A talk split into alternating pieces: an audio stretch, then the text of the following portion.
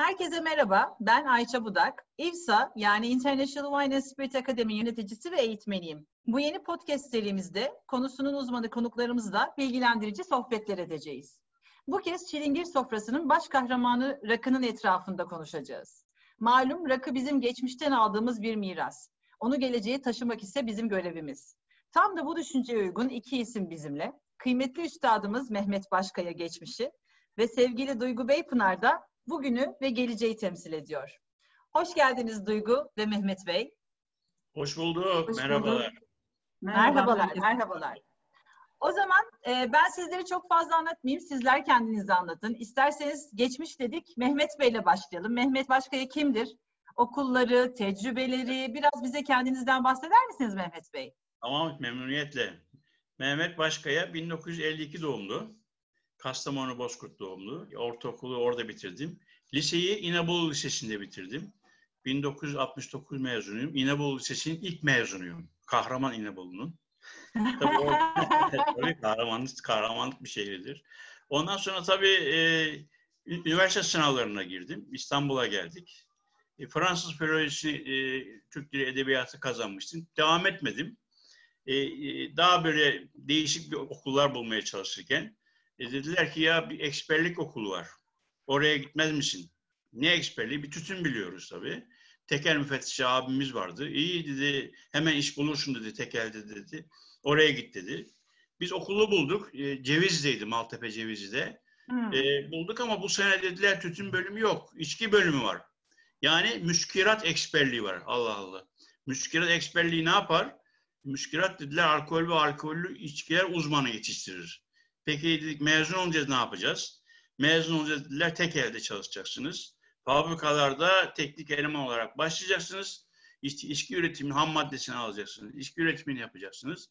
Çok başarılı olursanız ileride fabrika müdürü olursunuz dediler. Bir sınavlara girdik tabii. Değişik bir sınav sistemi vardı. Koklayarak, tadarak öyle sözlü sınavdan da geçtik. Ben ikinci olarak kazandım. Hiç böyle e, içki ağzına almamış bir kişinin düşünün yani öyle bir sınava girmesi. Alkol kokluyorsun bu ne diye soruyorlar. İşte bu tarçın kokluyorsun. Ondan sonra bir sürü kokulardan geçiyorsun. Testlerden geçiyorsun. E, çok şükür kazandık. İşte başladık ondan sonra. E, ben ilk mezunlarıyım. 40 sene önce, bizden önce Teker Genel Müdürlüğü'nün bünyesinde böyle bir okul açılmasını öngörmüş Atatürk. Onu bizden önceki abiler 40 sene önceki mezunlar. Tabii onlar da emekliliği yaklaşınca dediler ister ki bunu devam ettirelim. Eleman eksikliği var. E biz onlar onlar bizim hocamız oldu o abiler. İşte bir, bir ilk sene böyle pratik okuduk. İşte içki teknolojisi, distilasyon teknolojisi, ilk madde alımları gibi. Sonra ikinci senede her fabrikada üçer ay staj yaptık içki fabrikalarında. İşte ben 71'de mezun oldum. 70-71 mezunuyum. E, ondan sonra Tekel Genel Müdürlüğü'nde göreve başladık. Her fabrikada işte dediği gibi üçer ay, altışar ay, birer sene görev yaptık içki teknolojisinde. Şarabından, birasından, rakısından ağırlıklı olarak her dalda e, üretimleri devam ettik. Sonra tabii bir 30 sene bir tekel e, genel müdürlüğü geçmişim var. 2000 yılına kadar tekelde görev yaptım. E, tabii e, 2000'de emekli oldum ben, ayrıldım. Ama tabii bu arada tekel özelleşti. E, dediler ki öyle sağda solda gezme yok. Özel sektörü tekeli alan firma. Dedik beraber çalışacağız dediler. E, ben Bilecik Likör Fabrikası Müdürlüğü'ne atandım. Orada bir beş sene görev yaptım. Sonra da şirketin merkezinde de üretim müdürü olarak görev yaptım. 2013'te e, tekrar ayrıldım. İkinci emeklilik yaşadık.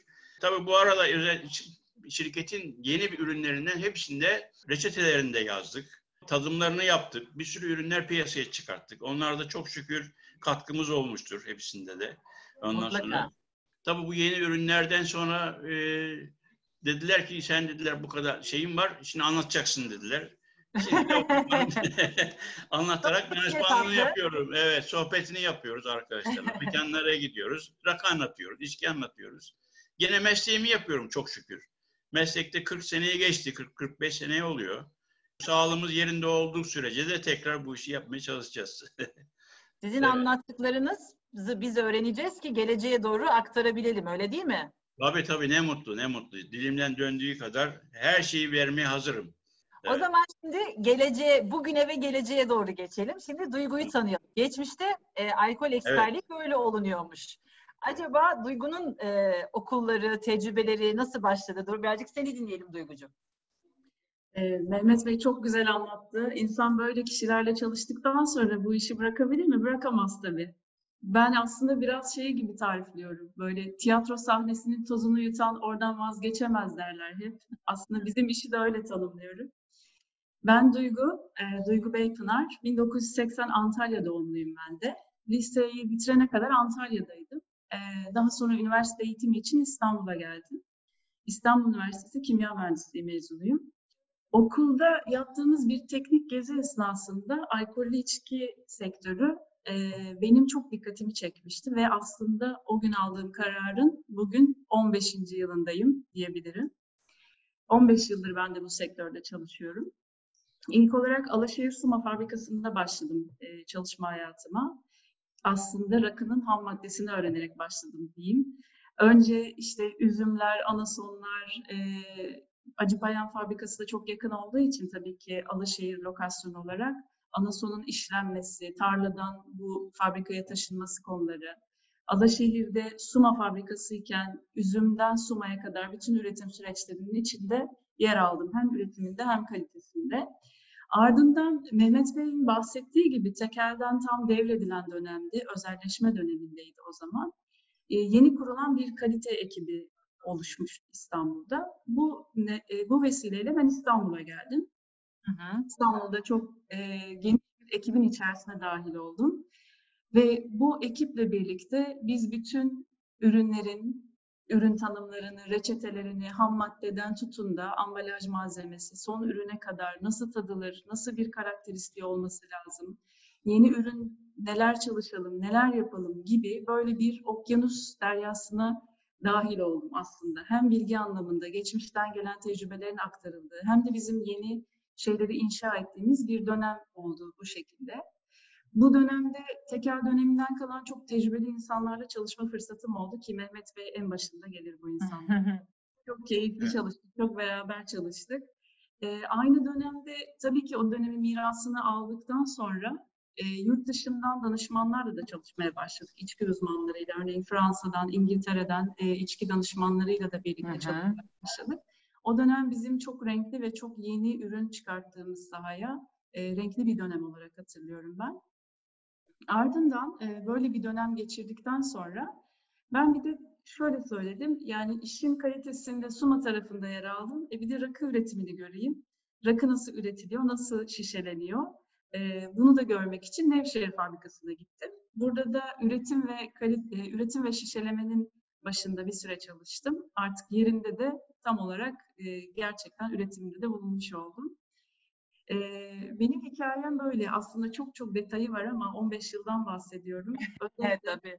Böyle tam işte tekelden mirasın alındığı dönemde geleceğe ve aslında bizim miras bırakacağımız çalışmaları yaptığımız bir 15 yıldan bahsediyorum. Çok keyifli çalıştım. Çalışmaya da devam ediyorum. Ne güzel. İşini sevmek, tutkuyla yapmak çok başka bir şey gerçekten. Ee, bunu da zaten e, yaptığınız ürünlerde de konunuzu anlatırken de görüyoruz. Eminim bu sohbeti dinleyenler de bunları hissedecektir. Ee, peki ben çok e, sert bir soruyla başlayacağım Duygu sana e, sizleri tanıdıktan sonra. Rakı ansiklopedisinde bile kadın tabusu diye bir madde vardır. Ee, hani bu işte eskiden e, meyhanelere, meyhanelerde kadınlar olmadıkları için e, kadınların giremediği bir yerden bahsediyoruz.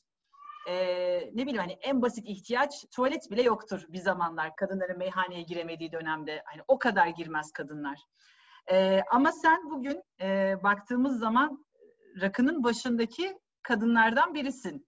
E, üretim tarafındaki kadınsın aslında. E, nasıl bir his bu?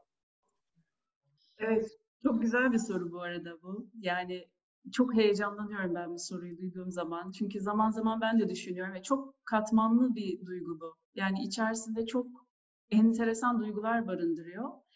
Ee, en başta düşündüğümde aslında ilki gurur. İlk hissettiğim şey gurur. Çünkü bunun arkasında çok detayları var. Birincisi çok köklü bir kültürün devamı niteliğinde yani bunu geleceğe taşımak gibi bir sorumluluk, geçmişin mirasının gerçekten aynı standart kalitede ve her gün öğrenerek geçirdiğimiz, her gün yeni şeyler eklediğimiz bir süreçte bir kadın olarak bu süreci yönetiyor olmak ve geleceğe de bunun mirasını bırakıyor olmakla ilgili çok gurur hissediyorum. İlk hissettiğim şey bu.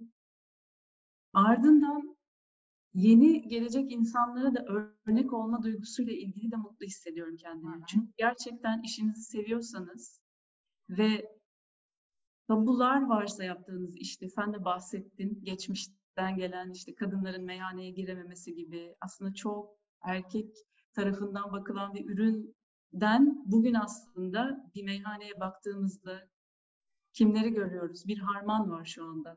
Aynen öyle. Bu harmana bir ufak e, ilavemiz, katkımız olduysa ne mutlu bize. Aslında ilk hissettiğim şey bu. Süper bir cevap. Teşekkür ederiz. Evet, gurur gerçekten e, ben de bir kadın olarak söylüyorum. Gurur verici diyelim. İkinize de soruyorum ben bu soruyu. Önce Mehmet Bey'e sorayım. Bu işi yapmasaydınız hangi mesleği tercih ederdiniz Mehmet Bey? Şunu söyleyeyim, liseden tabii mezun ol- olduktan sonra bu eksperlik okuluna girmeden bir sınava daha girdim. Yüksek Denizcilik Okulu sınavına. Kaptan olmak. Ama o da yakışırmış size ya. Bütün şeyim oydu. Yani sınavı kazanmama rağmen sınav günü yani kayıt gününü şaşırdım bir hafta sonra gittiğim için. Ay çok tatlısınız. olmadı olmadı yani. Yüksek Denizcilik Okulu mezunu uzun yol kaptan olmak isterdim. Hmm. İdealim oydu. Evet. Peki Duygu sen? Bu arada Mehmet Bey'e ne kadar yakışırmış değil mi kaptan olmak? İnanılmaz. İnanılmaz. Ben de şöyle düşündüm. Yine böyle geçmişten gelen köklü bir kültüre sahip ve benim yaptığım işte de bu kültüre katkıda bulunabileceğim, geleceğe bir katkıda bulunabileceğim bir iş yapmak isterdim diye düşündüm. Aslında yine aynı şeyi tarif ettim değil mi? Bir- Kesinlikle öyle oldu. Herhalde yine aynı işi yapmak isterdim. Evet. Eee, peki, o zaman birazcık e, rakı ile ilgili konuşmaya başlayalım. Eee rakı nedir Duygu? Sen bize bir tanımlar mısın e, rakıyı? Çok felsefik bir soru oldu aslında. Rakı nedir deyince. Rakı, rakı nedir? Rakının bir tabii ki Türk Gıda Kodeksinde bir tanımı var. Ee, çok çok detaylı bir tanım bu. Ee, iyi ki de böyle bir tanımı var. Çünkü Türk rakısı çok korunaklı. Standardı, karakteristiği çok belirgin olan bir ürün ve tamamen Anadolu'nun bir ürünü aslında. Bu da her zaman bana çok gurur vermiştir bunu düşündüğüm zaman. Hem coğrafi işaretinde hem de tebliğinde yer alan bir Türkiye vurgusu var rakının. Şöyle söyler e, Türk Gıda Kodeksindeki tanımı. Suma veya tarımsal kökenli etil alkolle karıştırılmış sumanın 5000 litre ya da daha küçük hacimli bakır imliklerde anason tohumuyla Türkiye'de yetişen yine e, ikinci kez Türkiye'de distile edilmesiyle elde edilen bir alkollü içki. Yani her ham maddesinde ve distilasyonun yapıldığı yerde Türkiye vurgusu var. Anadolu Hı hı. vurgusu aslında. Hı Yani özetle anlatmam gerekirse rakı Anadolu topraklarından çıkan ve yine burada üretilen yaş üzüm, kuru üzüm ya da tarımsal alkol ilave edilmiş bu iki içerikle beraber yine Türkiye'de yetiştirilen anasonu kullanarak Türkiye'de distil edilen bir alkollü içki diye özetleyebilirim. Sosyal şeyini söyleyeyim isterseniz ben de yani rakı nedir deyince hani hep böyle fiziksel değil de sosyal yönü sosyal yönü şudur. Rakı paylaşılan bir içkidir. Paylaşmaktır. Rakı içerken rakıyı paylaşırsınız, meceleri paylaşırsınız, dertlerinizi paylaşırsınız, sevinçlerinizi paylaşırsınız. Başka hiçbir ilişkide böyle yoktur yani. Paylaşmaktır rakı içmek. Onu da, Değil onu mi? da parantez ilave edeyim size. Çok teşekkür ederiz. Tabii üstadım ha- şahane bir katkı oldu. Biraz da anason konuşalım şimdi. Anason dediğimiz şey zaten rakıya karakterini veren bitki. Ama e, bizim kullandığımız anason yani Türk rakısında tescilli olan anason e, başka anasonlu içeceklerden e, farklı bir anason türü. Biz Pimpinella anisum kullanıyoruz. Biraz anason konuşalım isterseniz. Duygu sen mi anlatmak istersin gene?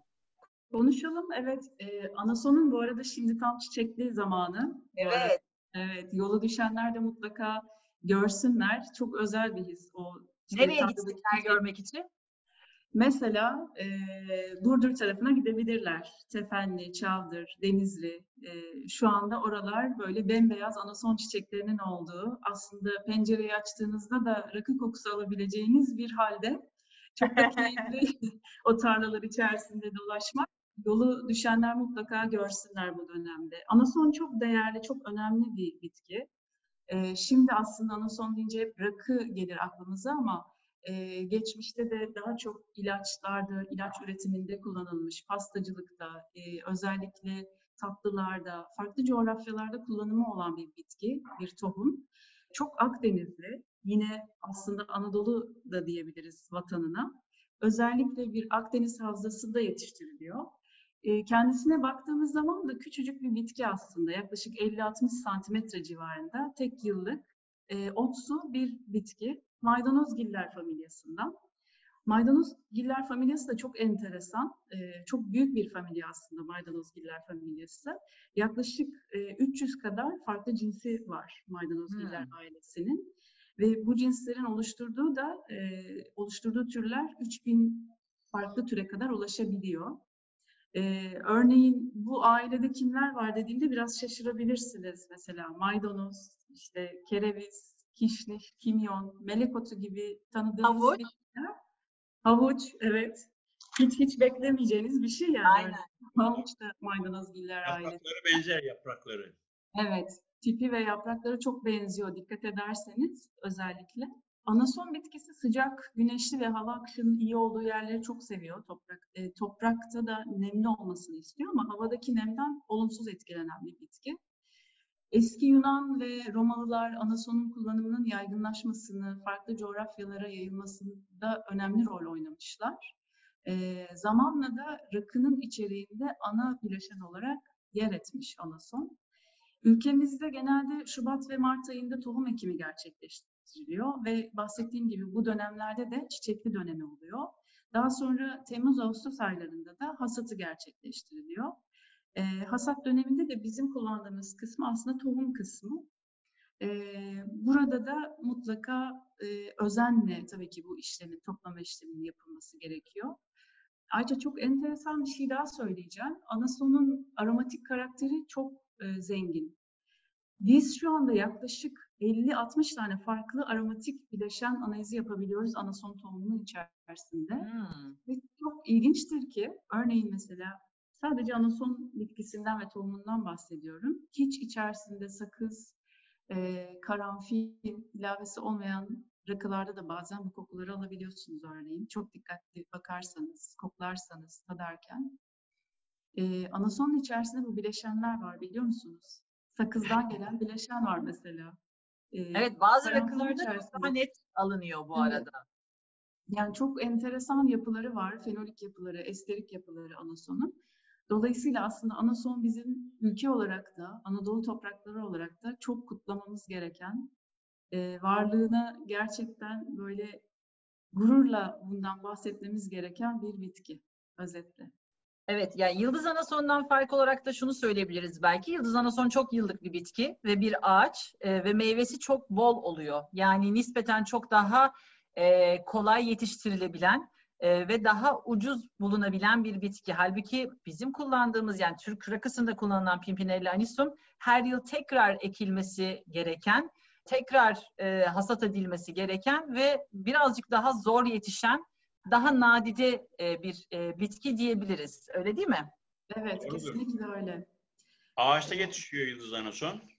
Himalaya'da. Türkiye'de yetişti, yetişmediği için yasal olarak da kullanamıyoruz ağaçta yetişiyor Himalayalarda. Onu toplayan insanlar da belki şimdi yok artık. Çok zor toplanıyor. Küçük boylu ağaca tırmanabilen insanlar topluyor. Gençler bu işi yapmak istemiyormuş artık orada. Maliyetini kurtarmıyor herhalde. e, tabii biraz şeyden de bahsetmek lazım. Türk rakısına ana karakterini veren içerik aslında anason. E, evet. Yıldız anason işte uzo üretiminde, pastislerde, anisetlerde ekstrakt olarak kullanılan bir şey, bir e, içerik.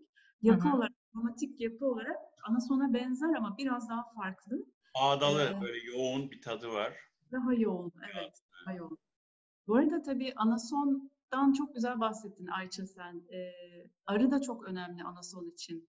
Yani e, özellikle hatta anason döneminde e, arı kovanları getiriliyor anason tarlalarının etrafına. Evet. Güzel de bir şey. Bunu düşündüğün zaman arılara da faydası olan, arıların da anasona faydası olduğu bir döngü var aslında. Aynen öyle. Şeker miktarı çok yüksek olduğu için anasonda anasonu tercih ediyor arılar. Hı hı. Ben bir ara getirmiştim bize anason balığı. Tatmıştık. Evet evet. Evet. Gerçekten çok enteresandı anason balığı Bayağı tatmakta. tatlı yani balılardan evet. Kesinlikle, kesinlikle. Peki Mehmet Bey, e, eskiden rakı yaparken hangi üzümler kullanılıyormuş? Şimdi hangi üzümler kullanılıyor? Şimdi tabii rakı üretirken e, bizim şarap gibi değil. Yani böyle tescillenmiş e, bir rakı e, markası e, olan bir üzüm yok ama e, Türkiye'nin her bölgesine yetişen e, mevsimine göre yaş ve kuru üzümleri kullanıyoruz.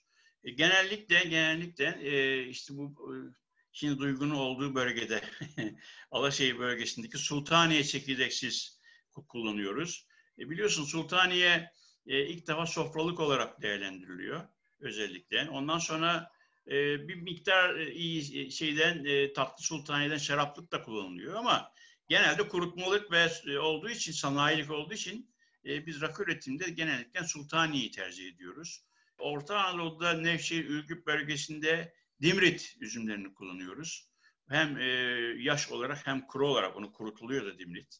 E, Güneydoğu Anadolu'daki e, üzümlerden kullanıyoruz. Güneydoğu, Kilis bölgesi, Antep bölgesi.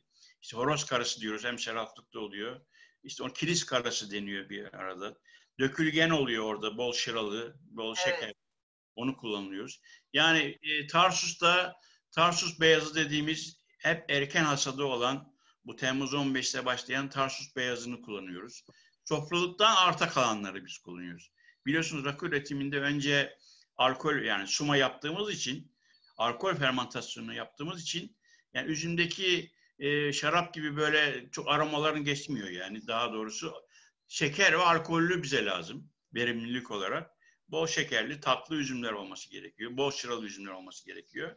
Yani Türkiye'nin her bölgesindeki üzümü genellikle kullanıyoruz ama ağırlıklı sultaniye çekirdeksiz kullanıyoruz. Evet. Senin eklemek istediğin bir şey var mı buraya Duygu? Çok güzel anlattı Mehmet Bey. Bence de. Estağfurullah. Yok. Demin ben rakı nedir diye sordum da e, Duygu daha teknik açıklarken Mehmet Bey daha duygusal e, yaklaştı ve e, rakı e, paylaşımdır dedi. Mezeyi paylaşmaktır, muhabbeti paylaşmaktır, sırrı paylaşmaktır. Öyle değil mi? Her şey Ee, şey. değil mi? Her şey. E, senin için rakı nedir? Şimdi çok felsefik bir soru diye başlamıştım ben de. Çünkü rakı, rakı nedir deyince insan böyle bir e, hayallere dalıyor gerçekten yani. Hem bu işin içerisinde çalış, çalışan bir insan olarak hem de aslında ben de ailemden bunu öğrenerek büyüdüm. E, o nedenle benim için de çok büyük anlamı var. Ben de rakıyı birleştirici olarak tanımlarım. Yani siz bir rakı masası etrafında bir araya geldiğinizde tanıdığınız insanlar olsun, tanımadığınız insanlar olsun artık o masada öyle bir muhabbet ortamı oluyor ki herkes kardeş, herkes birbirini sever. Böyle herkes birbirine yakın hisseder. Böyle bir birleştiriciliği var. Yani özellikle son dönemde dünyayı düşünün ne kadar ayrıştırıcı bir dil olduğunu. Rakı da bunun tam karşısında aslında. Ee, tam da birleştirici bir dili var rakının, bir kültürü var. Ve ülkemiz açısından düşündüğümde de çok önemli bir değer olarak görüyorum.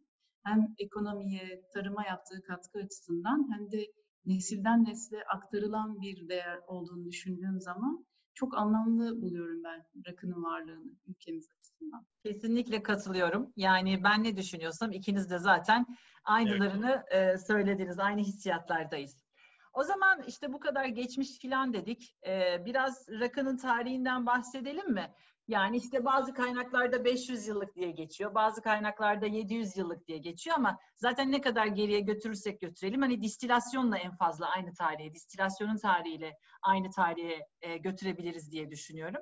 Burada biraz sözü Mehmet Bey'e vereyim ben. Rakının geçmişinden o bahsetsin bize. Evet tabii. Şimdi tabii şimdi senin dediğin gibi yani kesin şu tarihten itibaren üretilmiştir diye e, elimizde bir kaynak yok ama tamamen o da tabii e, Anadolu içkisi olduğunu biliyoruz. Mezopotamya bölgesindeki. Orada çünkü İpek yolu üzerinde distilasyonu biliyorlar. Ee, Hı hı. orada esans yapıyorlar, aroma yapıyorlar. Onlar da şarap üretiyorlar tabii önce. İlk üret, içki, bira, ondan sonra şarap. Şarap üretince yani bunun posalarını değerlendirmek amacıyla e, onu distile ediyorlar. Bir nevi yani onun posalarından üzüm alkolü, üzüm distilatı gibi bir içki elde ediyorlar. Ama tabii bu posa biliyorsun bekledikçe fermentasyon geçiriyor kendi kendine. Pek makbul bir koku olmuyor. Yani iyi kokmuyor yani yaptığı alkol. Hmm. Ya diyorlar buna bir şey aromalandıralım. Bir şey katalım. Tarçın katıyorlar işte, karanfil katıyorlar falan. Bir tanesi anasonu buluyor. E, uzun uzun sene sonra aslında. Son son dönemlerde bulunuyor. Ha, anasonu koyunca biliyorsun beyazlanıyor ya su katınca. İçindeki eteri yağ da açığa çıkıyor. Ona ilk defa dediklerine Arak ismini veriyoruz o zamanki üretimde. Biliyorsun Arakçıyan esnafı var. Yani daha ileriki dönemlerde İstanbul'da rakıyla evet. uğraşan, içkiyle uğraşan insanlara Arakçıyan esnafı. Tabii e, hep Osmanlı dönemine denk geldiği için 1500 yıllara gayrimüslimler tarafından üretiliyor. İçkiyle hı hı. uğraşanlar, meyhaneye uğraşanlar. Sen dedin ya halen tutuculuk vardı bizde. Sonradan kadınlar meyhaneye bile gidemiyor dedin ya başta. İşte onun için hep gayrimüslimler tarafından üretiliyordu. Rakının ilk endüstriyel üretimi 1880 yılında Umurca çiftliğinde, e, Umurca rakısı altında çıkıyor. E, burada tamam şişeli e, ürün olarak piyasaya veriliyor. İhraç bile ediliyor. Sonra işte Bozca'da da özel sektör tarafından hep bölgesel rakı fabrikaları üretimleri başlıyor. Ta işte 1926 yılında tekel kuruluyor. Yani devlet yön vermeye çalışıyor. Artık yani üzümden yapılsın, her şeyden rakı olmasın, diğer maddeler kullanmasın diye devlet de bunu 1926 Tekel Genel Müdürlüğü'nü kurarak e, kendisi de bölgesel rakı fabrikaları kurarak e, bir nevi hem e, önderlik etmiş oluyor. 1944 yılına kadar devlet ve özel sektör birlikte rakı üretiyor. 1944 yılında devlet tamamen rakı üretiminin özel sektör kısmına son veriyor. Yani tamamen tekelleşiyor 44'te. Bundan sonra hep devlet tarafından üretiliyor. 1944'ten işlettikten kadar, kadar 2002'ye kadar 50 50 küsur sene, 59 sene devlet tekelinde kalıyor içki üretimi. Ondan sonra biliyorsunuz ki özelleşiyor. Yani evet. Özelleştikten sonra yeni firmalar doğuyor geliyor. Ondan sonrasını duygu biliyor. ben ondan öncesiyle ilgili küçük bir katkıda bulunacağım. Ondan sonra e, duyguya geçeceğim. Rakı ile ilgili işte bazen dedim ya 500 yıllık diye geçiyor. Fuzuli'nin Bengübade Divanı'nda geçiyor aslında. E, 1500'lü yıllarda yazdığı Araki olarak geçiyor orada da adı. Ama işte bazı kaynaklarda da 700 yıllık görüyoruz. Bunu da gördüğümüz şey e, Bursa kuşatması sırasında, Kayı boyunun Bursa kuşatması sırasında e, onlara destek olan Geyikli Baba ve Müritleri diye bir grup var. 1326 yılında geçiyor bu olay e, ve onları ödüllendirmek istiyor e, bey ve iki yük araki ile iki yük şarap yolluyor. Orada geçen araki o diye geçiyor. Bu arada azıcık daha geriye gideceğim. Anisaton diye bir içki var Bizans zamanında.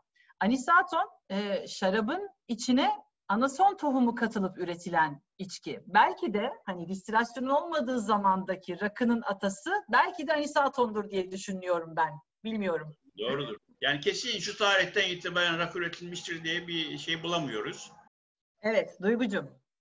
Ben bu ara e, Reşat Ekrem Koç'u okuyorum.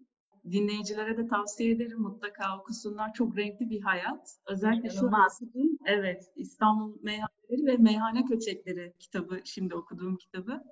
Orada öyle bir renkli hayattan bahsediyor ki aslında bugün çok tahmin edemeyeceğimiz yerlerde bile nasıl meyhaneler, işte meyhanelerdeki köçekler, oradaki ilişkiler, işte rakı anlamında çok çok detaylı, çok renkli kitapları var.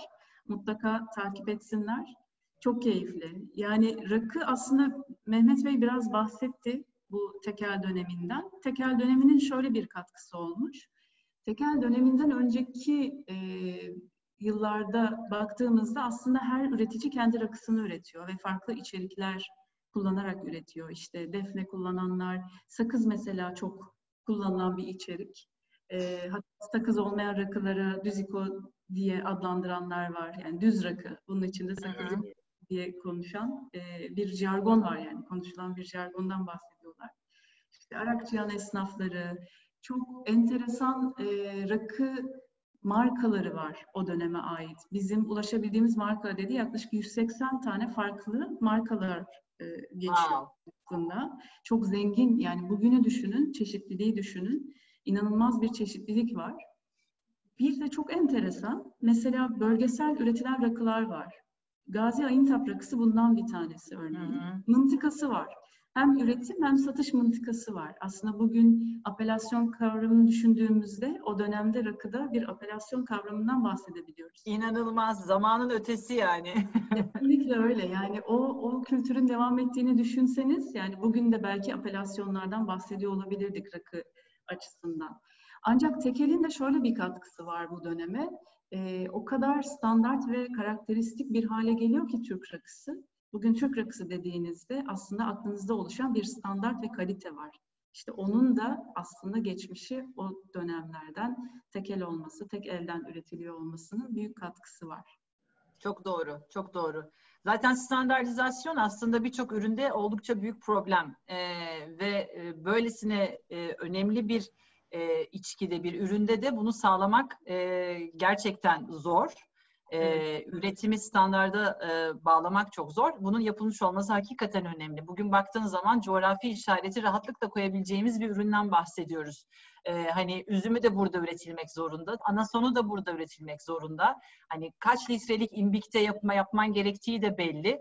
İçine ne katıp ne katamayacağın da belli. Hani net olarak çerçevesi belli. Onun dışına taşman da çok mümkün değil ki. Bu da zaten aslında bu üründe yenilik yapmayı oldukça zorlaştırıcı bir şey. Hani etrafını sarıyor bu kurallar Evet, ve sen o evet. kuralların içinde yeni bir şeyler üretmeye çalışıyorsun. O da çok çok ayrı bir şey. İnovasyonu oldukça zorlaştırıyor. Evet. Ee, öyle değil mi? O Yasası nedenle- olan bir içki, yasası olan yani yasayla belirlenmiş olan tek içki. Rakı. Evet. Çok doğru. Evet, evet. O zaman Mehmet Bey sizle devam ediyorum gene. Yüksek alkol içkiler bütün dünyada var. Hani konyak var, viski var, ne bileyim birçok içki var. Ama bu yüksek alkol içkileri pek sofrada görmüyoruz. Ama e, rakı dediğin zaman bu sofrası kurulan bir içki. Nasıl olmuş bu? Yani yüksek alkol içkilerin öbürleri sofrada yok ama rakı nasıl oluyor da sofrada yer buluyor? Dünyada adına sofra kurulan tek içki rakıdır.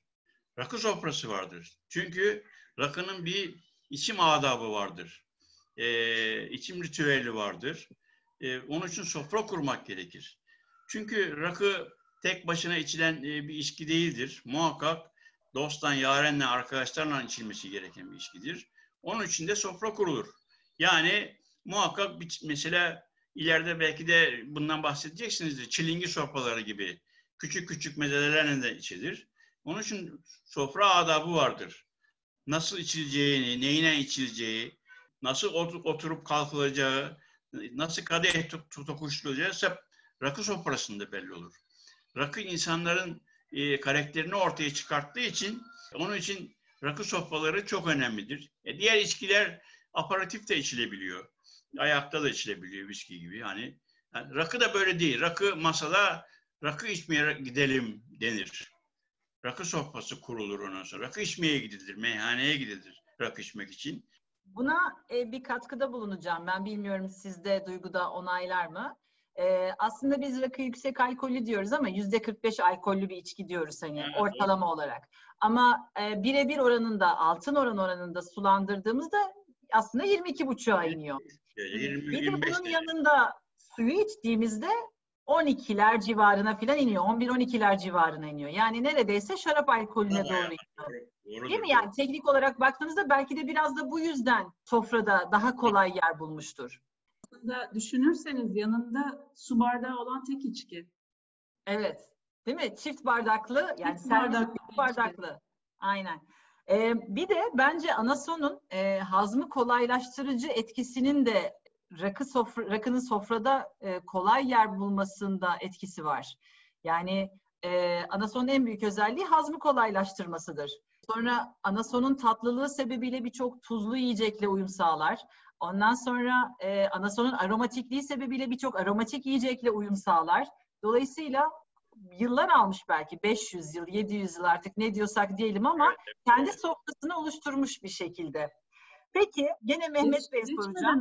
aslında Ayça bu rakı sofrası aslında rakının kendi karakteristiğine de o kadar uygun ki düşündüğümüz zaman. Yani hep diyoruz ki Osmanlı topraklarında ilk olarak ortaya çıkmış. İşte Mezopotamya bölgesinden bahsediyoruz. Rakı sofrası da bir kültürler bileşkesi aslında. Yani kültür mirasının yer aldığı bir masa. Mezeleri düşünün örneğin. Yani evet. Anadolu topraklarından gelen mezeler, işte Ermeni mezeleri, Rum mezeleri, e, Lübnan'dan, Suriye'den yani bir harman gerçekten kendisi gibi rakının da aslında. Kesinlikle. Ve ölçünün de çok önemli olduğu bir masa, rakı sofrası, rakı masası. Nasıl başlarsan öyle bitirmeyi hedefler. Yani evet, evet, doğru. E, bu da her içkide olmayan bir şey aslında düşündüğünde. Ne kadar çok içtiğin değil, ne kadar aynı kaldığınla anlatırsın rakı sofrası. Değil mi? Muhabbeti. Oturduğun gibi kalkmalısın. Evet.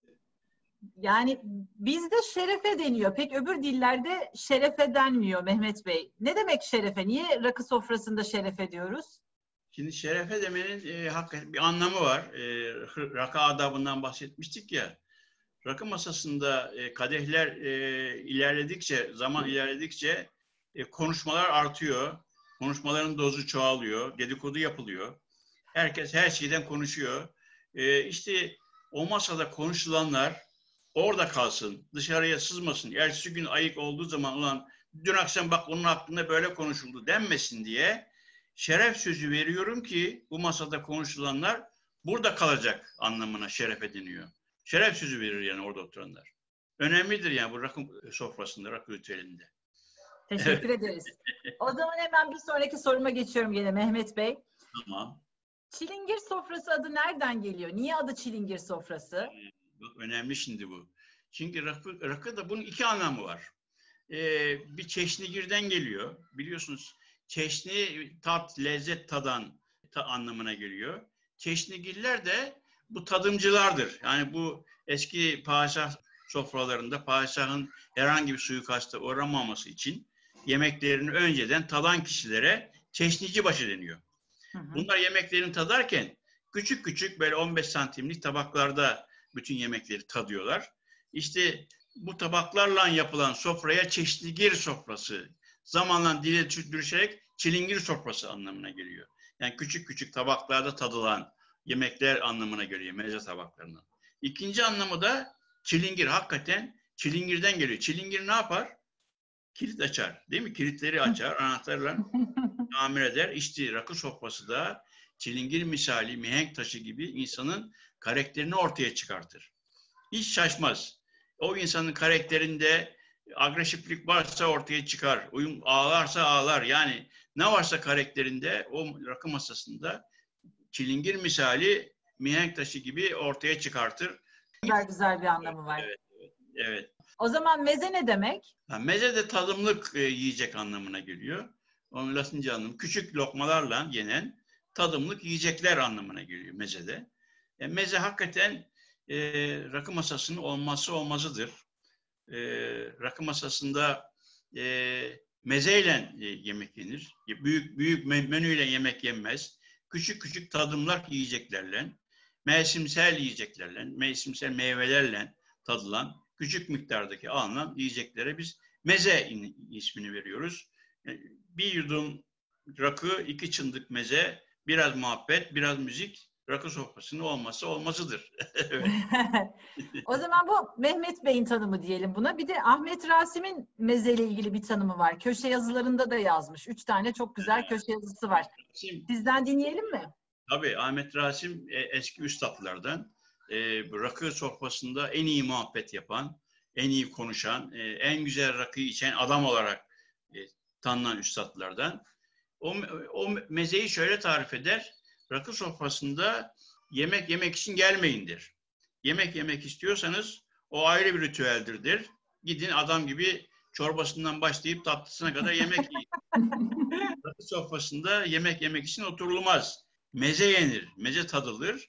Her çeşit küçük küçük bir mezelerden tadılarak öyle rakı içilir der. Hatta der ki bir lüferin der yanağıyla bir rokka rakı içerim der.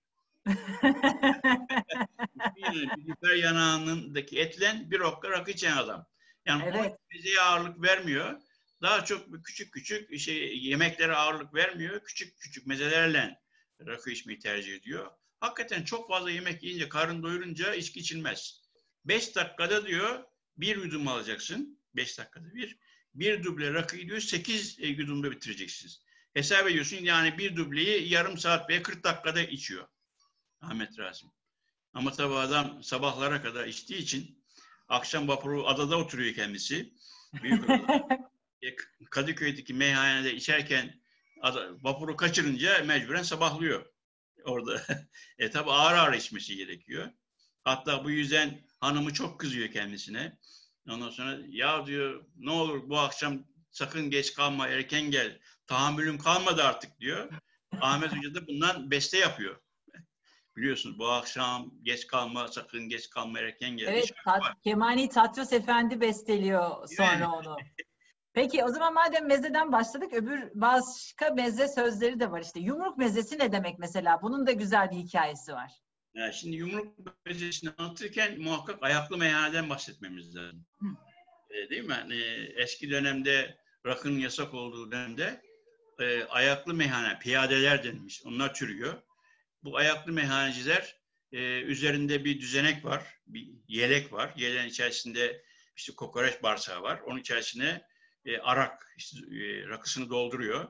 Onun altta bir musluk var. Üzerine bir tane uzun bir palto cepken giyiyor. E, böyle kalabalık yerlerde, vapur iskelelerinde, garlarda, insanların çok kalabalık olduğu yerlerde, daha çok arkasında meyve manavlarının olduğu yerlerde dolaşıyor. Onu görünce hop diyorsun bir tek versene diyorsun. Bakıyor etrafta zabıta yoksa sana hemen oradan küçük şeyden yani bir, bir tek veriyor. Eğer müdavimsen sana iki tane erik ya üç tane leblebi veriyor her akşam ondan istiyorsan. Eğer müdavim değilsen ilk defa içiyorsan tekini attıktan sonra hiçbir şey vermiyor.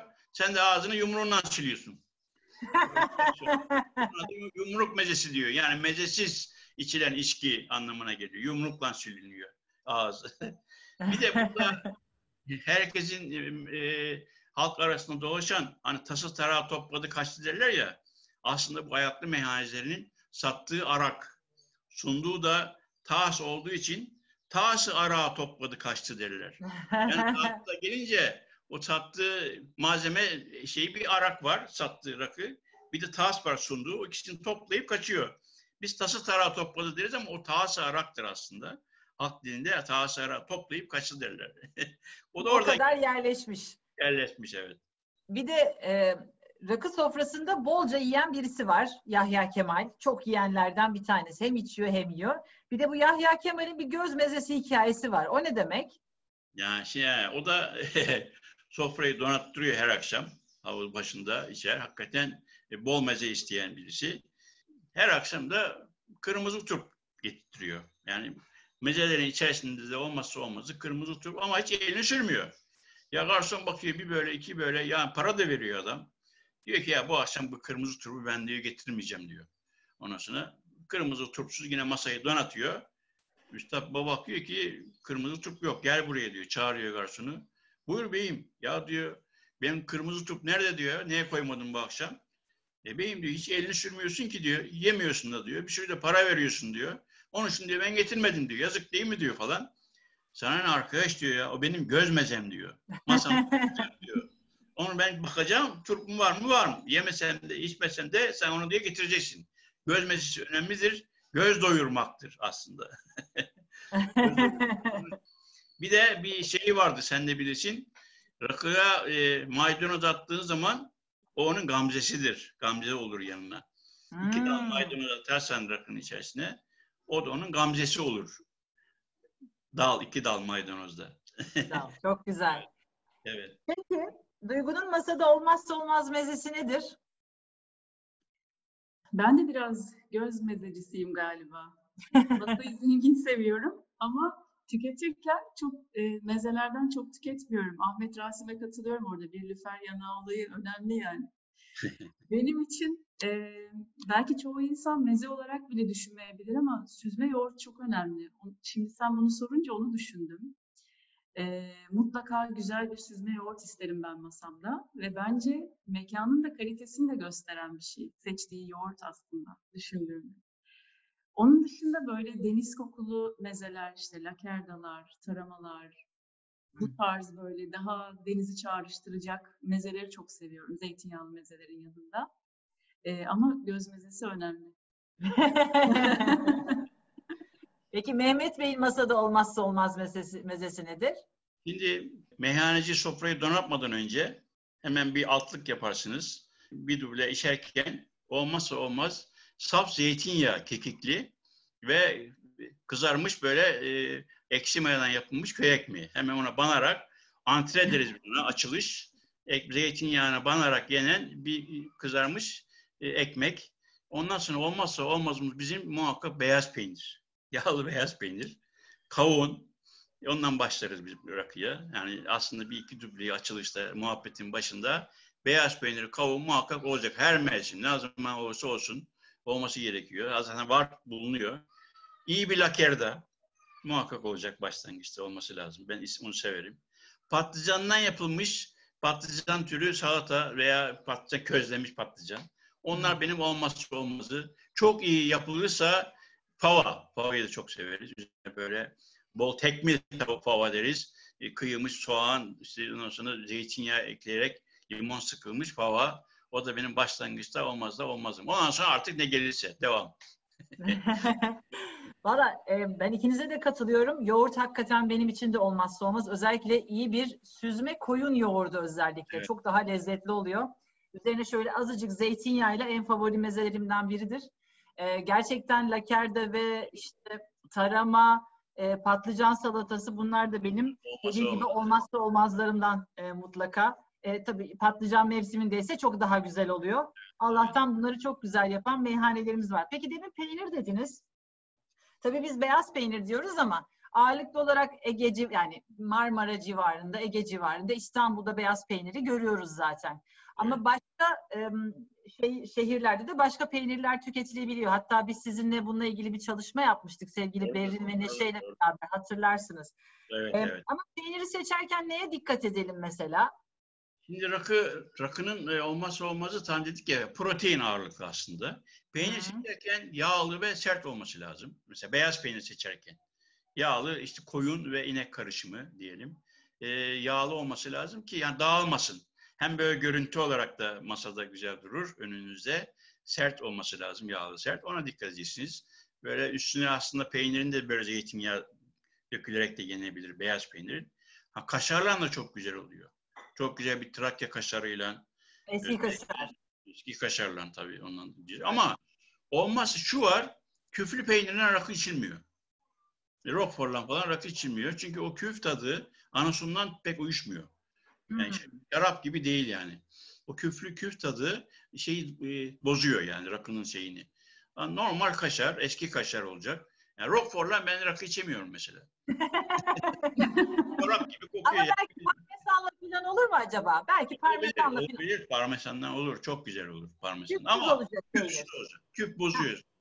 Onun için yani, e, bizim mesela divli, div- divli e, peynirine şu- Divle obruk tulumu. böyle obruk durumundan ağır rakılar, böyle anasonu yüksek rakılar mü- müthiş uyum sağlar yani onlar da.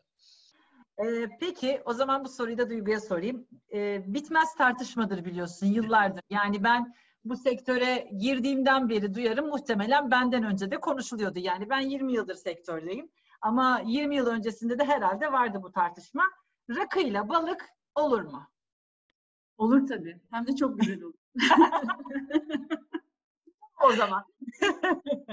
Yani özellikle şimdi çeşitlere baktığımızda o kadar güzel çeşitler var ki piyasada işte yaş üzüm rakıları, kuru üzüm rakıları, üç distileler, ana sonu yüksek, ana sonu daha düşük, dengeli. Yani bu çeşitli dünyaya mutlaka uyum sağlayacak bir yiyecek. Balık, ızgara balıklar, buğulama yani içerisindeki ana sonun seviyesinden tutun da verdiği aromatik yapıyla çok iyi uyum gösteriyor balık. Yani o cevap, o sorunun cevabı aslında çok da güzel olur. Ama yıllarca da bu tartışma daha da devam eder bence. Eder eder. Aynı menemen soğanlı mı soğansız mı hikayesi gibi. Rakıyla balık olur mu olmaz mı diye devam eder. Evet, rakının yanında balık olmazsa bırakın balığı yüzsün. Tutmayın. evet. Mehmet Ben de katılıyorum buna, evet. Ama şunu söylüyor üstadlar. Yani bir büyük balıkla, bir büyük kocaman bir balıkla, e, bir palamutla rakı içmeye kalkarsanız çünkü balık sıcak yenir, yenir. Çabuk soğur. E, Rakı da yavaş içilir. Onun için birbirine uyum sağlamıyor. Aslında balık mezeleriyle, küçük küçük balıklarla, işte üç tane istavrit, dört tane hamsi, bir, bir dilim işte palamut, ortadan paylaşarak yenilirse daha lezzetli olur. Yani Hamsi- yine denge ve yine paylaşım aslında. Ha, paylaşım. Hep paylaşım. Dediğin doğru, evet. Peki, e, gene Duygu sana döneceğim. Rakının dünya pazarındaki yeri nedir? Yabancılar rakı sever mi? Bence çok sever. Benim cevabım böyle. Çünkü ben çok gördüm. Çok sever yabancı. Şöyle aslında rakının bence dünya pazarında çok potansiyeli olan bir içki. Aslında ilk düşündüğünde anason bir bariyer gibi gelse de e, şu anda artık dünyada gastronomi dünyası da çok gelişmiş vaziyette. Mutfağıyla ve kültürüyle anlatıldığı zaman, doğru anlatıldığı zaman gerçekten çok seveni var, çok takip edeni var ve çok e, iyi miktarda tüketeni de var yabancılar arasında. Şu anda yaklaşık 3,5-4 milyon litrelik bir e, hacmi var rakının yurt dışında. Ama bu bizim çeşitli güzel soframızı da anlatabilirsek gerçekten rakı da bu daha da büyüme potansiyeline sahip yurt dışında da. Hele bir de gelip İstanbul'da, İzmir'de, gün batımlarında bunları tadıyorlarsa, içiyorlarsa o güzel mezelerle yani içmemesinin hiçbir sebebi kalmıyor ondan sonra. Sevmemesinin bir nedeni kalmıyor. Hatta Değil çok mi? nedeni oluyor sevmesi için. Peki Mehmet Bey, rakı kiminle içilir? Oo, güzel soru. Rakı herkesten rakı içilmez. Rakı e, dostla içilir, arkadaşla içilir, sevdiklerinle içilir. Rakı içmesini bilen kişilerle içilir. Rakı içmesini bilmeyen birisine içtiğin zaman seni rezil rüsva eder. İki paralık. E, yani dünya başınıza yıkılır, kepaze olursunuz. Onun için e, hep diyoruz ya işte rakı mihenk taşıdır. Bütün karakteri ilk, e, arkadaş ediniyorsan ya rakı sofrasında arkadaş e, tanıyacaksın veya seyahatte derler. Onun için rakı sofrasında adamın karakteri çok önemlidir. Kiminle içeceğin, kime içeceğin de önemlidir aslında. Kiminle içeceğin, kime içeceğin de onu, onu önemlidir. Oo, çok güzel bağladınız. Çok konuyu. güzel geldi. Ah o içilenler. Ah o içilenler. aslında o da önemlidir. Ama hakikaten rakı içicilerini seçmek, arkadaşlarını seçmek aslında çok sürmez. Bir iki e, sofradan sonra elemeye başlarsın o kişileri. Bir daha rakı sofrasına çağırmazsınız. Onlar e, kavga çıkarlar, agresif olurlar. Kimisi çok ağlar, kimisi çok güler. Onlara tamam razıyız da agresif olanlar çok kötü. Evet, masadan- bence de. Çakır keyfi kalkabilen, e, konuşmasını bilen, adabı bilen kişilerle rakı içmek çok zevkli olur. Biz hepsini gördük, hepsinden rakı içtik ama zamanla eledik onları. Bir daha onlarla oturmadık. evet. Peki meze konuştuk. Zaten muhabbet ediyoruz. Ee, gelelim müziğe değil mi? Rakının 3 M'si meze müzik muhabbet. Peki aklınıza gelen en çok sevdiğiniz ilk sanatçı ya da şarkıyı söyler misiniz? Şimdi tabii bizim e, kuşak itibariyle e, dinlediğimiz hatta kendi canlı gazinosuna da gittiğim Zeki Müren olması olmazdı o zamanlar. İzmir Fuarı'nda onu Akasya'da dinledik. Hatta paramız yoktu. O söylerken yan taraftaki gazinodan sesini dinledik. Ve Ona rakı içtik. Sonra kendisini de görmek nasip oldu. O zaman Zeki Müren e, meşhurdu. Onun şarkıları biliyorsunuz tam böyle Türk sanat müziği şarkıları. E, bizim dönemimizdeki işte Emel Sayın, Nesin Sipahi vardı. E, Müzeyyen Senar rahmetli. Onun da tabii olmazsa olmaz hep rakı mezelerinden söylerim. Ama benim güncel şimdi şimdi dinlediğim bir şarkıcı var. Size tavsiye ederim. Oya İşboğa. Duydunuz mu? Oya hiç. genç bir sanatçı. Hakikaten şahane bir Türk müziği, e, Türk sanat müziği sanatçısı. Dinlemenizi tavsiye ederim. Gözünün rengini sordum. Kara dediler. Onu mesela dinleyin. Tamam anlaştık. Gözünün rengini sordum kara dediler. Kara dediler. Bir kere bakanlar unut derdi günahı diye Avni Anıl'ın da bir şarkısı var. Yani hakikaten benim dinlediğim e, Türk sanat müziği şarkılarından en iyi Oya İşboğa. Onu çok seviyorum, severek dinliyorum. Öyle benim Bu arada bu arada siz şey dediniz ya hani dönem itibariyle saydığınız isimler Evet. var ya hani Zeki Müren'dir, Müzeyyen Senar'dır falan. Bunlar zamansız isimler. Hani Şimdi bana sorsanız bu soruyu ben Müzeyyen Senar'la başlayacağım zaten. Benim için Müzeyyen. Senar bir, ikinci Zeki Müren diye gidiyor mesela. Duygucum aynı soruyu sana da soruyorum. Ben de tam cümleye öyle başlayacaktım. Bana da sorsan Müzeyyen Senar derim diyecektim. Benim de öyle. İlk aklıma gelen isim odur. Ee, hem müziği anlamında hem de hayatı ve duruşu anlamında. Yani idol diyebilirim kendisi benim için aslında. Ve gerçekten rakı deyince Müzeyyen Senar, Müzeyyen Senar deyince de rakı geliyor aklıma. Zeki Müren de geliyor ardından tabii ki.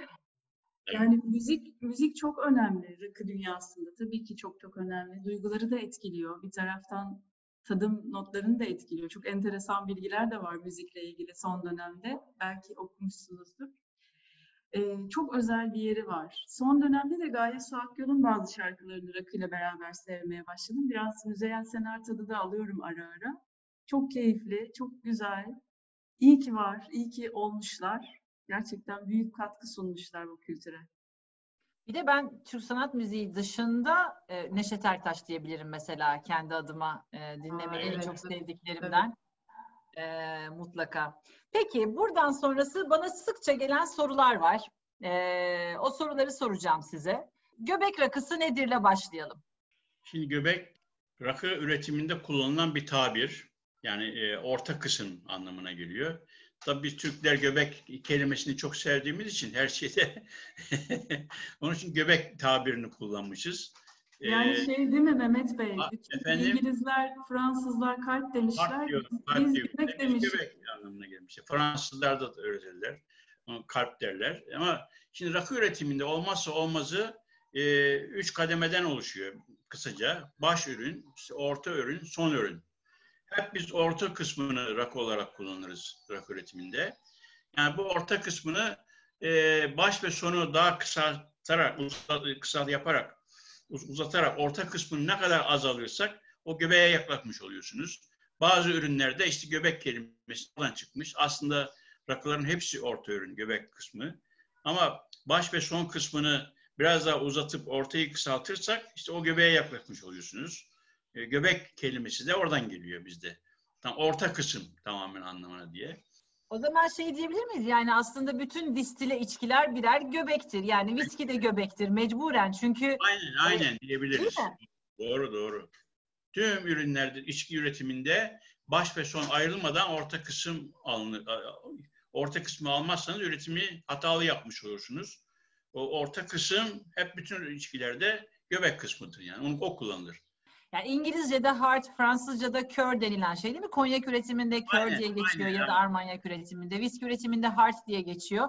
Bizde de adı göbek olmuş. Dediğiniz gibi göbek tabirini seviyoruz. Göbek kaşarı, göbek dansı, göbek rakısı. Bizim demek ki millet olarak en önemli noktamız göbek herhalde de. Peki, e, Duygu, rakıda neden şeker var? Evet, bu da son dönemde çok konuşulan, çok tartışılan bir konu aslında.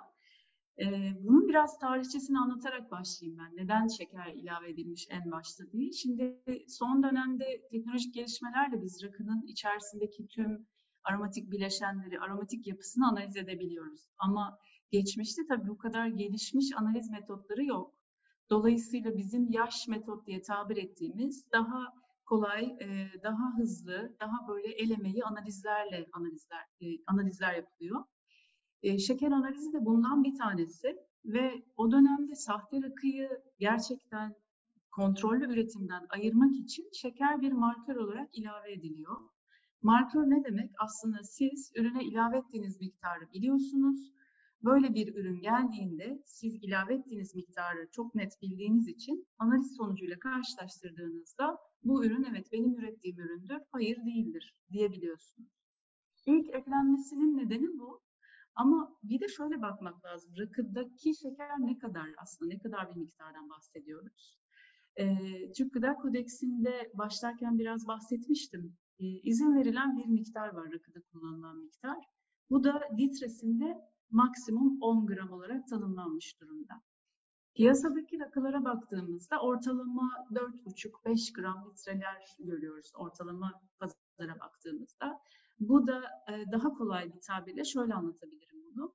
1 litre rakıda 1 yaklaşık kesme şeker kadar e, miktarda şekerden bahsediyoruz aslında rakıdaki şeker dediğimiz şey.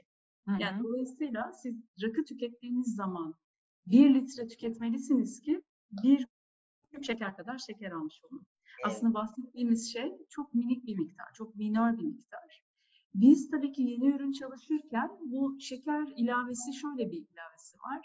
Rakıdaki denge çok önemli. İşte alkolün anason dengesine, e, bütün bu aromatik yapının dengeli olması, e, ana temel bileşenleri içermesi ve gerçekten finalde ulaşacağınız tat profiline çok bağlı. Dolayısıyla biz şu anda geçmişten gelen bir şey olsa da bu, geçmişte analiz yöntemlerinden çıkmış bir durum olsa da şimdi yeni ürün çalışırken de ürünümüzün tat profiline göre karar veriyoruz ekleyip eklememeyi. Bir de ek bilgi şöyle vereyim. Mesela hiç şeker olmadığını düşündüğünüz bir rakı ve içinde bahsettiğim oranlarda şeker olduğunu düşündüğünüz bir rakıyı yan yana dublesini içtiğinizde kalori farkı olarak aldığınız kalori farkı 2 kalori. 2 kaloriden bahsediyoruz.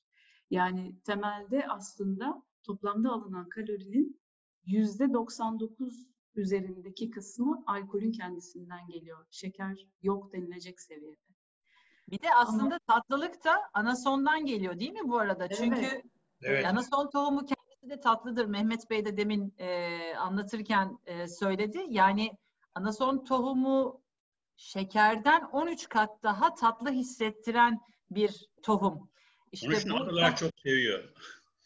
Arılar Evet, çok arılar, arılar ağzının tadını biliyor aslında. O yüzden anason Aynen tatlıdır. öyle.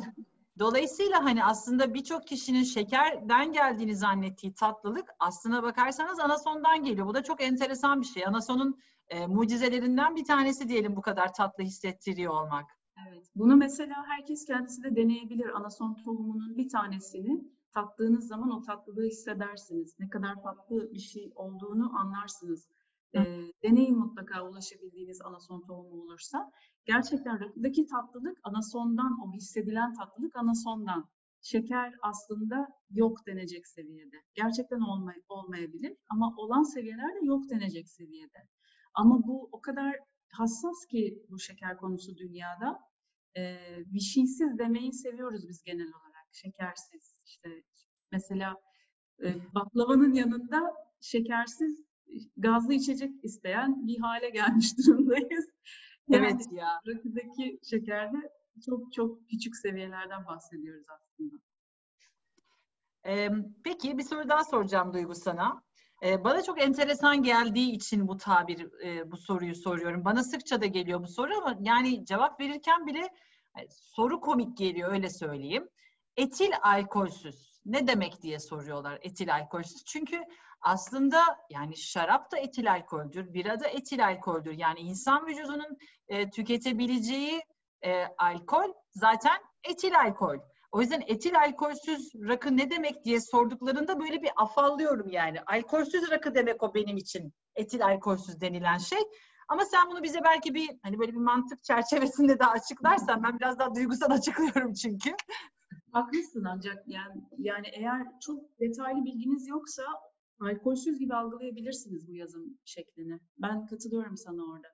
Etil alkolsüz demek aslında şu demek. Ben bu ürünü yüzde yüz sumadan yaptım demek. Bunun farklı bir yöntemi. Yani sumada, biraz sumadan bahsedeyim. Suma da aslında bir tüketime uygun gıda alkolü, üzümden elde edilen alkol. Yani temelde aslında kastedilen şey etil alkolsüz dendiği zaman tarımsal etil alkolden bahsediliyor diye düşünüyorum. Ama tarımsal etil alkolü de anlatmak lazım biraz. Sen az önce söyledin. Yani gıda anlamında tüketilecek tek alkol etil alkol zaten. Tarımsal alkol ise eee tarım ürünlerinden elde edilen bu nedir mesela? Buğday gibi, hububatlar gibi, işte pancar, şeker kamışı gibi ham maddelerden elde edilen gıda tüketimine uygun etil alkol. Peki biz bunu nerede kullanıyoruz? Şu an piyasada bulunan viskinin içerisinde de, e, vodka'nın içerisinde de, likörün içerisinde, de, cinin içerisinde de zaten bu alkol var. Yani Aynen öyle.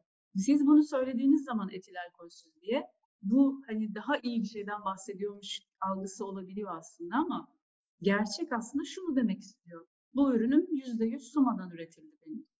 tarımsal etil alkol ilavesi yok demeye çalışıyor. Tarımsal etil alkol ilavesi dediği şey de vodkayı üret, ürettiğimiz, işte cini ürettiğimiz, likörü ürettiğimiz alkol. Yani temelde gıda tüketimine uygun etil alkol aslında. Aynen. Üzüm harici bir şey bitkilerden üretilen etil alkol diyebilir miyiz? Evet, evet diyebiliriz. Suma da Tamam. sonuçta üzümden elde edilen üzüm alkolü, üzüm distilatı. Sadece bir alkol derecesinde farklılık var ama özellik olarak yine gıda tüketimine uygun, e, gıda açısından tüketilebilecek bir alkol çeşidi. Rakının tanımında da var. Suma veya sumaya e, ilave edilmiş tarımsal kökenli etil alkol diye başlar t- tanımında. Yani Hı hı. onun bir mahsuru yok yani onun bir şeyi yok. Ayrıcalığı Yok, yok. olsa zaten tanımda olmazdı muhtemelen diye düşünüyorum. Ya da zaten tarımsal alkol kötü bir şey olsa e, viski bu kadar yüksek e, seviyede yer alan bir içki olmazdı mesela. Ya da vodka kimse tüketmezdi örneğin. evet. Evet. E, peki Mehmet Bey rakıya buz koyalım mı koymayalım mı? Bu da en sık gelen sorulardan ve yılların bitmeyen tartışmalarındandır. Ne yapalım? Şimdi e, rakı muhakkak sulandırarak içiyorsak olmazsa olmazı var. Önce rakı kadehe, sonra su. Beyazladıktan sonra istenirse buz atılıyor. Biz genelde e, buz atmaya e, pek e, sıcak bakmıyoruz. Neden?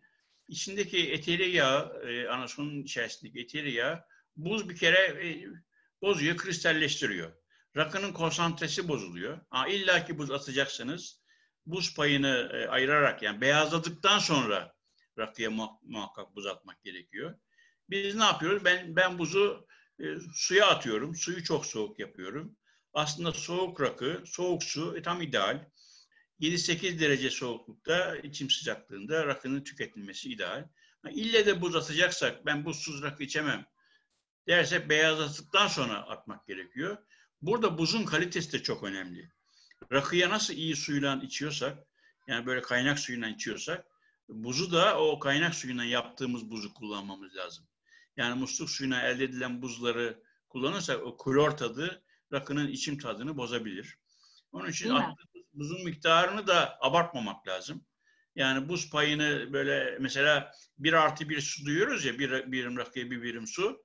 Bir birim suyun bir parmak eksiğini koyup üzerine buz beyazladıktan sonra buz atabilirsiniz. Ama biz buzu genelde suya atıp soğuk rakı, soğuk su olarak tercih ediyoruz. Buz atanlara da bir şey demiyoruz. Peki buz devam et. Buz atmayı sevmiyorum ama ben, ben mesela ehli keyif kullanmayı seviyorum. Kullanayım mı üstadım? Şimdi e, iki kişiyseniz, karşılıklı rakı içiyorsanız sevdiğinizden, ehli keyiften çok da güzel olur.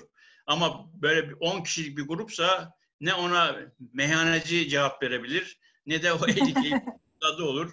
E, çünkü yani ehli keyif iki kişilik arasında veya yalnız başınıza içilmez ya rakı. iki kişi gayet de güzel olur. Devamı soğuk durur. E, ehli keyif onun için e, iyi bir icat aslında. güzel bir buluş. Değil Soğuk mi? yaptığı, buz atmadan rakıyı devamlı soğuk tutan e, bir düzenek. Hatta onun Antep işi yapımı olursa bakırdan çok daha Oo. güzel. Daha güzel olur bence de. Çok şık oluyor onlar gerçekten. Peki Duygu rakı bozulur mu? Rakı bozulur mu? Rakının son kullanma tarihi yok. Ee, sonsuz. Şöyle, e, rakıyı iyi korumak gerekiyor. Güneşten uzak, ısı değişimlerinden uzak. Çünkü çok enteresan bir şey söyleyeceğim size. Rakıyı güneşte bıraktığınız zaman içindeki anason kokusu var ya, o tamamen dereotu kokusuna dönüyor. Dereotu ve maydanoz kokusuna dönüyor. Bunu deneyebilirsiniz.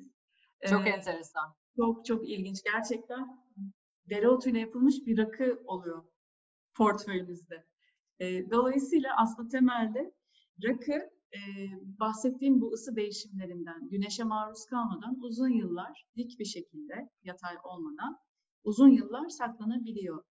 E, herhangi bir bozulma göstermiyor. Ancak süre uzadıkça şöyle bir şey var. Rakının içerisinde aromatik uçucu bileşenler olduğu için bunlar zamanla uçacakları için ürün içerisinden kalitesinde hafif düşme gözlemlenebilir.